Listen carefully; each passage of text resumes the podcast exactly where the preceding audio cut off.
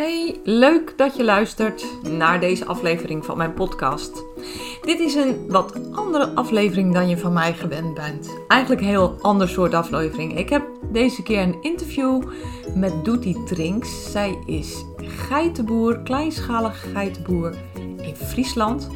En ik heb met haar een superleuk gesprek waarin eigenlijk heel verrassend de overeenkomsten naar boven komen tussen een Friese geitenboerin en een Zeeuws ortomoleculair therapeut. Ik wens je heel veel luisterplezier.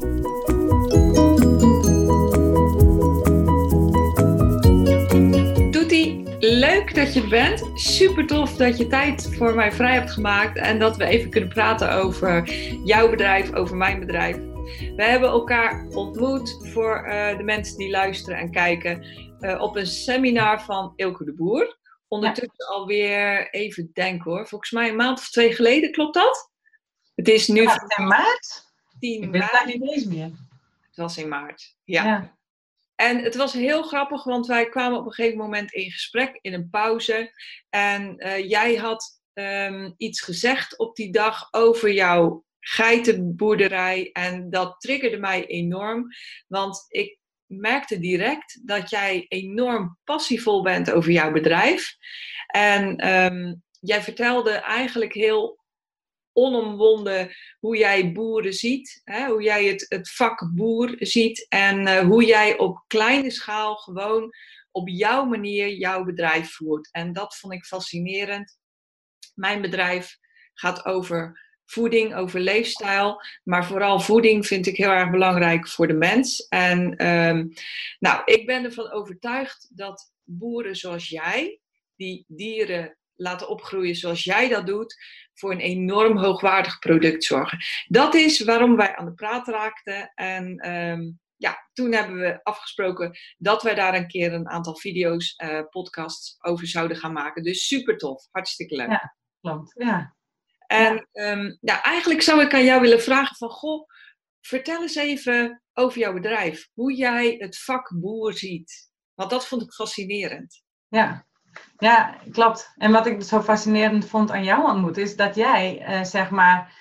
Nou ja, ik heb soms het gevoel dat mensen helemaal niet zien de meerwaarde van wat ik doe. En ik heb het gevoel bij jou dat jij dat juist heel goed ziet. Ja, dat wat zie ik ik. doe is, ja, ik, heb, ik ben boer en ik heb geen keurmerk. Want als je aan een keurmerk begint, ja, dat is, nou ja, waar begin je daar weer aan? Maar uh, het is zo, ik, heb, uh, ik, ben begon, ik had vorig jaar 50 geiten en nu weer veel meer. Dus dat is wel iets met geiten. Als je ze niet weg doet, krijg je steeds meer. Ja. Maar ik heb toch een burgergeiten. Dat is niet de witte melkgeit die je in het algemeen ziet in Nederland. Maar het is eigenlijk een veel sterkere, robuustere geit. En die loopt ook altijd buiten. Tenminste, ze kunnen binnen en buiten. Dus ja. als het min 10 is, loopt ze ook gewoon buiten. En uh, ze krijgen jonge geitjes als het min 10 is gewoon buiten. En die doen het gewoon, die hebben nergens last van. Dus het is natuurlijk ook het idee, wij menen als mensen dat dieren eigenlijk in hokken en in schuren moeten opgroeien. Maar dat is natuurlijk helemaal niet zo. Nee, van nature doen ze dat ook niet, hè? Nee, het is heel onnatuurlijk eigenlijk om een dier in een schuur te stoppen. En uh, wat ik wel bijzonder vind is, uh, nee, mijn geiten liggen dan in de zon te herkauwen. En natuurlijk doet die zon iets met hun. Dus hun, in de vetten van uh, die geiten zit bijvoorbeeld veel meer vitamine D. Ja. Of, of het uh, omzettingsproduct, ik weet niet precies hoe je het terugvindt. En uh, in melk, de melk is natuurlijk ook totaal anders dan melk van een dier wat nooit daglicht ziet. En dat is gewoon wel veel in Nederland. Geiten die, de meeste geiten zien niet het daglicht. Dat is gewoon zo. Wat je in de supermarkt koopt, is melk die, van dieren die nooit buiten komen. Nee, nee. Principe, ja.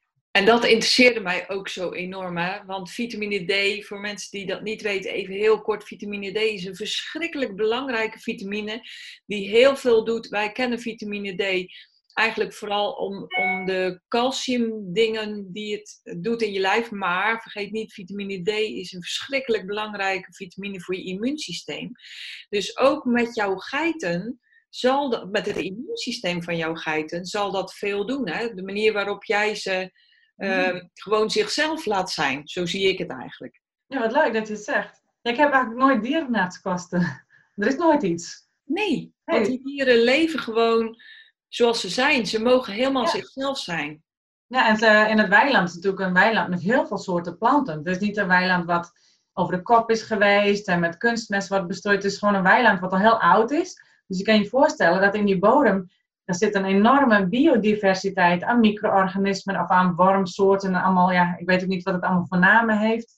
En dat heeft natuurlijk ook weer invloed op de planten die er allemaal op groeien. Dus het is een enorm ja, uitgebalanceerd systeem, die hele bodem. Met die planten die erop groeien. En die geiten kiezen gewoon de planten die zij nodig hebben. Ja. En ik doe iedere dag, als ik door het weiland loop, denk ik wel eens, ja, zij eten eigenlijk verser dan ik. Dat, Als je zo vers die prachtige groene plantjes uit, de, ja, uit dat gras uh, ziet, uit die bodem haalt, ja, dat is gewoon heel vitaal. En dat eten zij.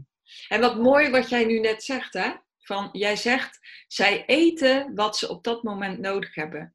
Ja. Dat is wat ik mijn cliënten probeer te leren. Ik probeer echt mijn cliënten, of ik, ik probeer het niet, ik doe het ook. Ik leer mijn cliënten luisteren naar hun lijf om te voelen wat je op dat moment nodig hebt. En terwijl ik dit zeg, denk ik, ja, dat klinkt misschien zelfs een beetje wollig.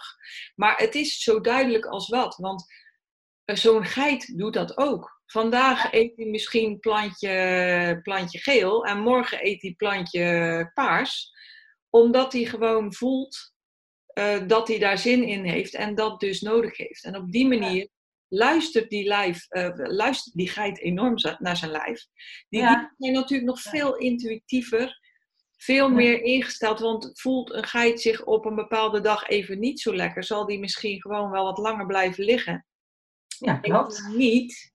En uh, zorgt hij gewoon dat zijn lichaam rust krijgt en dat hij zich, uh, zichzelf kan herstellen.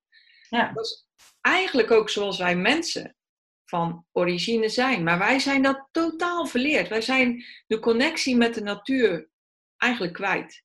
En jouw geiten hebben dus heel veel connectie met die natuur. Ja, deze zeker, ja. ja. En wat ook leuk is, wat je ook ziet, is dat jonge geiten weer een ander eetpatroon hebben dan de oudere geiten. Jonge geiten eten toch wat de makkelijkere planten. De oude geiten, die zijn wat, ja, die hebben al meer zin in interessante smaken. Dus die zullen eerder dingen eten die de jonge geiten nog niet eten. Dat is ook heel leuk om te zien. Die smaakontwikkeling. Ja. Goh. misschien hebben ze ook meer nodig. Meer, weet je wel, essentiële. Nou ja. Weet je wel, je kan je voorstellen dat dat lichaam wat langer al meegaat. Dat hij misschien ook sommige dingen een soort van ja, een tekort krijgt of zo. En dat je daar misschien ook meer gaat zoeken naar wat je nog nodig hebt. Ja, ja, ja. Dat is ook heel interessant. Heel interessant. En hoe vaak, uh, hoe vaak laat jij jouw geiten drachtig zijn? Nou, ik probeer, uh, ik doe nu om het om het niet ieder jaar, één jaar niet, één jaar wel. Dat is wat ik nu heb gedaan het afgelopen jaar. Mhm. Ja, hm, de bok is een paar keer ontsnapt geweest, dus het valt al wat tegen. Er komen best wel veel jonge geitjes. Ja. in principe doe ik ze niet ieder jaar onder een bok. Alleen wat ik wel weer merk is, het is wel natuurlijker dat het wel gebeurt. Zeg maar hormonaal merk ik wel dat het wat doet met die dieren. Ja, ja. En, net op de Veluwe, met die herten, die gaan ieder jaar, is dat gewoon die periode van uh, bronstijd. Ja. Dan natuurlijk dat het wel, uh, eigenlijk wel komt die periode. Ja, dus misschien moet je daar ook zelfs nog minder ingrijpen. Ja, klopt. Ja. ja. Want hoe wat ook leuk is, dat zie je ook eigenlijk niet. Ik denk dat ik de enige ben in Nederland, maar misschien zijn er meer. Maar ik laat de bokken gewoon bij de geiten. Normaal halen, hebben mensen bokken, een stuk of twee, drie bokken. Die staan er ergens achter in een hok te stinken als een gek. Maar ik heb de bok gewoon in de kudde en die dekt die ook helemaal niet. Dus dat is net zoals in de bronstijd met de herten. Die bok is gewoon echt een hele gezellige, ja, iedereen ligt tegen die bok aan. Dus ja, dat zijn ook van die leuke dingen als je de natuur zijn gang laat gaan. Dan merk je dat dat er gewoon kan dus. En als het dan op een gegeven moment ja, weer kouder wordt, de kortere dagen, dan merk ik weer, hé, hey, die hormonen beginnen weer te spelen. Oh, wat mooi. Je hebt gewoon een hele gezellige bok. Daarbij al die leuke geiten. Ja, prachtig man. Prachtig. Ik vind dat echt... Die verhalen van jou. Ik word daar gewoon helemaal enthousiast van. Echt, echt. En ik zie dat dan ook voor me. Zo'n hele leuke, gezellige bok. En pas uh, als het weer tijd wordt, gaat hij weer uh, zijn mannelijke ding doen. Zeg. Ja, ja, ja, ja. En hoe lang duurt het voor een geit gespeend wordt? Nou, ik heb ze nu ja, tien weken moet je zoiets rekenen. Als je ze bij de moeder laat, hè? ik laat ze bij de moeder lopen. Nou, ja. een week of tien, maar ik, ik weet zo, ik, ik moet eigenlijk eens nemen kijken hoe lang ze al zijn nu. Misschien moet ze nog een keer bij de moeder weg. Maar ja, ik heb ook genoeg melk op dit moment. Dus weet je wel, dan heb ik ook geen haast. En dat is ook het mooie als je de jonge geitjes bij de moeder laat. Ze hebben helemaal geen ziekte. Ze groeien echt zo super goed op. Dus ja, hebben daar ook een uh, voorsprong. ja. Geweldig. Ja, leuk hoor. Mooi dat jij ze bij die moeder laat. En um, wat, wat ik ook heel interessant vind, hebben wij ook uh, in maart al even over gesproken, is dat ik ben heel erg bezig met, bij mijn cliënten met omega-3, met, met vetzuurverhouding omega-3, omega-6. Misschien kan je het herinneren dat we het over hebben Mhm. gehad. En ehm, je ziet dus dat tegenwoordig ook in het vlees en ook in de melk, maar ook Mhm. zeker in het vlees, veel minder goede vetzuren eh, voorkomen of goede, veel minder omega-3 voorkomt dan wanneer je natuurvlees hebt. Mhm. Ehm, ik kan me zomaar voorstellen dat jouw geiten ook veel beter vlees hebben op het moment dat je ze gaat slachten dan geiten die eh, gefokt worden echt voor het vlees. Of Mhm. ook gefokt worden voor de melk. Hoe kijk jij daar tegenaan? Ja, sowieso is dat. Hè? Als je in de toppen van het gras zit, volgens mij ook meer eh ja, onverzadigde vetzuren. Klopt. Dus dan hebben dat het hele jaar door ook zelfs nog. Ja, Ook winters, want dan groeit het gras ook gewoon langzaam, maar het groeit wel. ja, En dat realiseer ik me ook. Ik heb ook wel, ik laat eigenlijk ook alles, als ik een dier naar de slager doe, terugkomen. En eh, bijvoorbeeld ook het niervet, daar zou je ook in kunnen frituren. Ik heb het wel eens uitgezocht, maar als je dan ziet wat daarin zit in vergelijking met een dier wat niet buiten komt, dat is echt enorm. Ja. Dat, dat soort ja, stoffen die je bijna, ja, die je heel erg nodig hebt, zitten dan nog in dat vet van dieren die altijd buiten lopen. ja, ja. En sowieso, dat gebruiken wij ook niet meer, niervet. Ik, de frituren er dan wel eens in, maar dat doen we niet zo vaak. Maar dat zijn natuurlijk eigenlijk wel producten waar we meer mee zouden kunnen. Zeker. Ja. Zeker. Prachtige producten. Ja. Wat, wat puur natuur is. En weet je, wij hebben ons door de industrie ook laten verleiden om te geloven dat dat soort producten niet gezond zijn. Ja, Maar ik vind dat dat soort producten super gezond zijn. En natuurlijk is het niet goed voor de industrie. Natuurlijk is het niet goed voor de commercie. Maar juist wel goed voor de gezondheid van mens en dier. Maar Ja. nieuw vet, dat zegt me eigenlijk niet zo heel veel hoor. Waar, waar, waar kan ik dat mee vergelijken? Is dat verzadigd vet? Is dat. Wat, wat is niervet. Oh ja. Ja, Poeh. Dat is weer anders vet dan het vet in het vlees. Dat, je moet dat echt smelten en dan krijg je van dat, ja, ik weet niet of je dat van vroeger nog kent, van die frituur van. Dan had je gewoon van die harde brokken wit vet. Het is Ossewit ken ik wel. Ossewit. Ja. Ja, dat is het denk ik. Maar dan van een geit. Ah, want dat is heel. Als je frituurt, frituur is niet goed. Nee. Nou, Oké. we vinden het allemaal, volgens mij vindt iedereen het wel eens lekker. Ja, en daarna denk je, waarom heb ik het gedaan? Wat Toch? En daarna denk je, waarom heb ik het weer gedaan? Want Soms, je denk je, had ik het maar niet gedaan, maar ik denk ook wel eens, wauw, wat is toch lekker. Ja. Maar het allerbeste waar je in kunt frituren is dus die ossewit. ja, dat denk ik dus ook. Ja, absoluut waar. En ik heb het dus van eigen geit. Ja. Ja. Super. Ja. Want als je namelijk in onverzadigd vet gaat frituren, onverzadigd vet is zwak qua ehm scheikundige verbindingen. Mhm. En daar bindt heel snel zuurstof aan. En zuurstof wat bindt is gewoon oxidatie.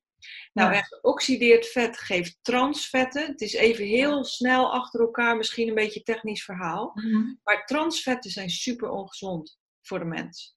Ja. Dus het allerbeste kan je frituren, als je het al doet, in verzadigd dierlijk vet. Nou, en volgens mij is dat dan dat niervet van jouw geiten. ja.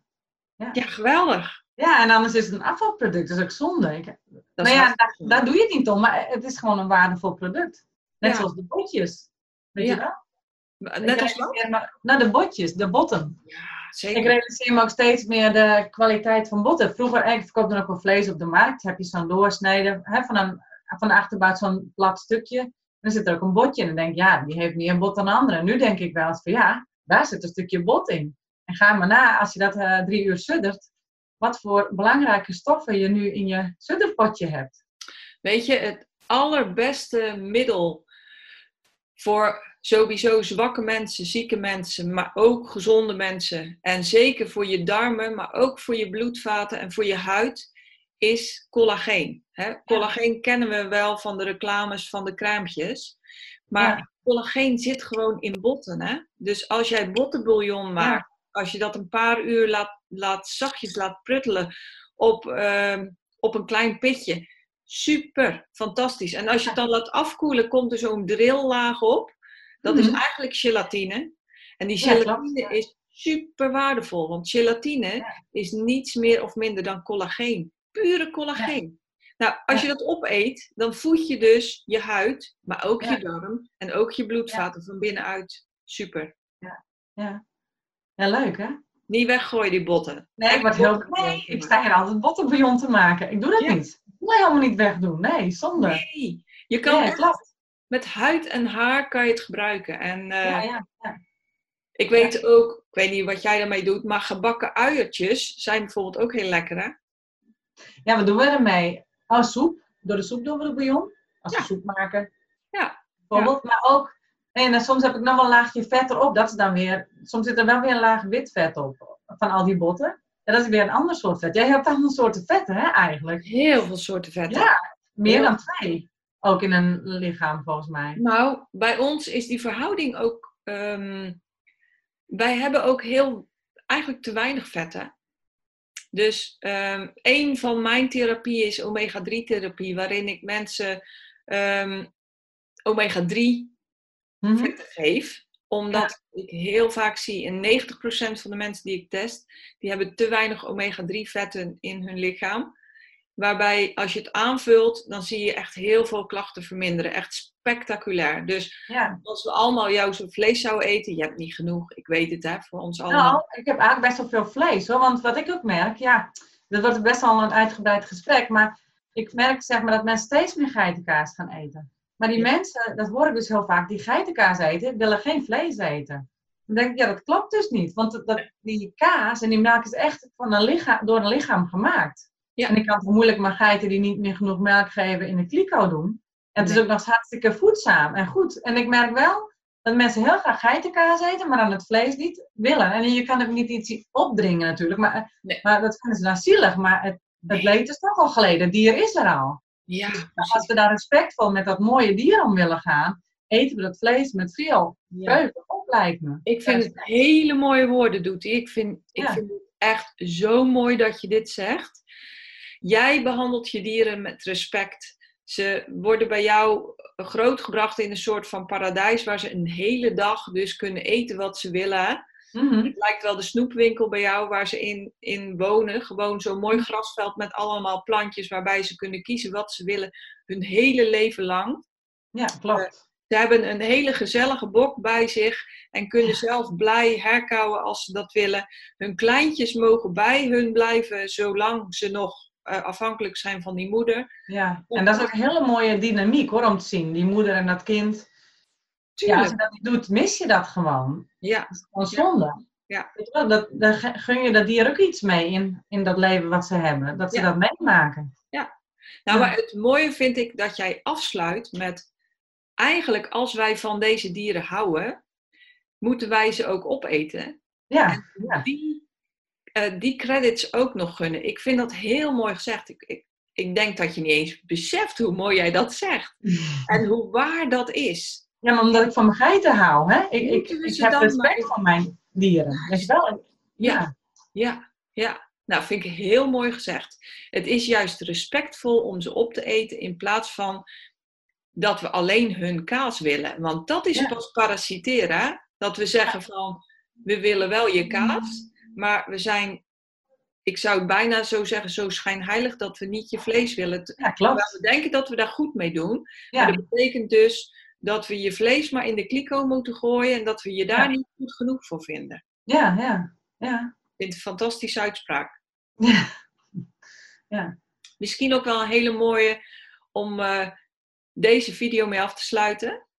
En um, nou, laten we het spannend houden voor een volgende keer waar we het over gaan hebben. Heel erg bedankt voor je tijd. Ik vond het fantastisch. Ja, ik ook. Ja, super. Ik vind het leuk om jou en je bedrijf wat beter te hebben leren kennen. En um, ja, tot de volgende keer. Ja, tot de volgende keer. Leuk. En fijne dag. Ja. Jij ook. Dank je. Doeg. Ben jij klaar voor een volgende stap in je gezondheid? Wil je dolgraag je klachten aanpakken en je ideale gewicht bereiken? Ga dan naar instituutvite.nl forward slash gratis en download mijn gratis videoreeks waarin ik je leer hoe je op een eenvoudige manier je gezondheid kunt verbeteren.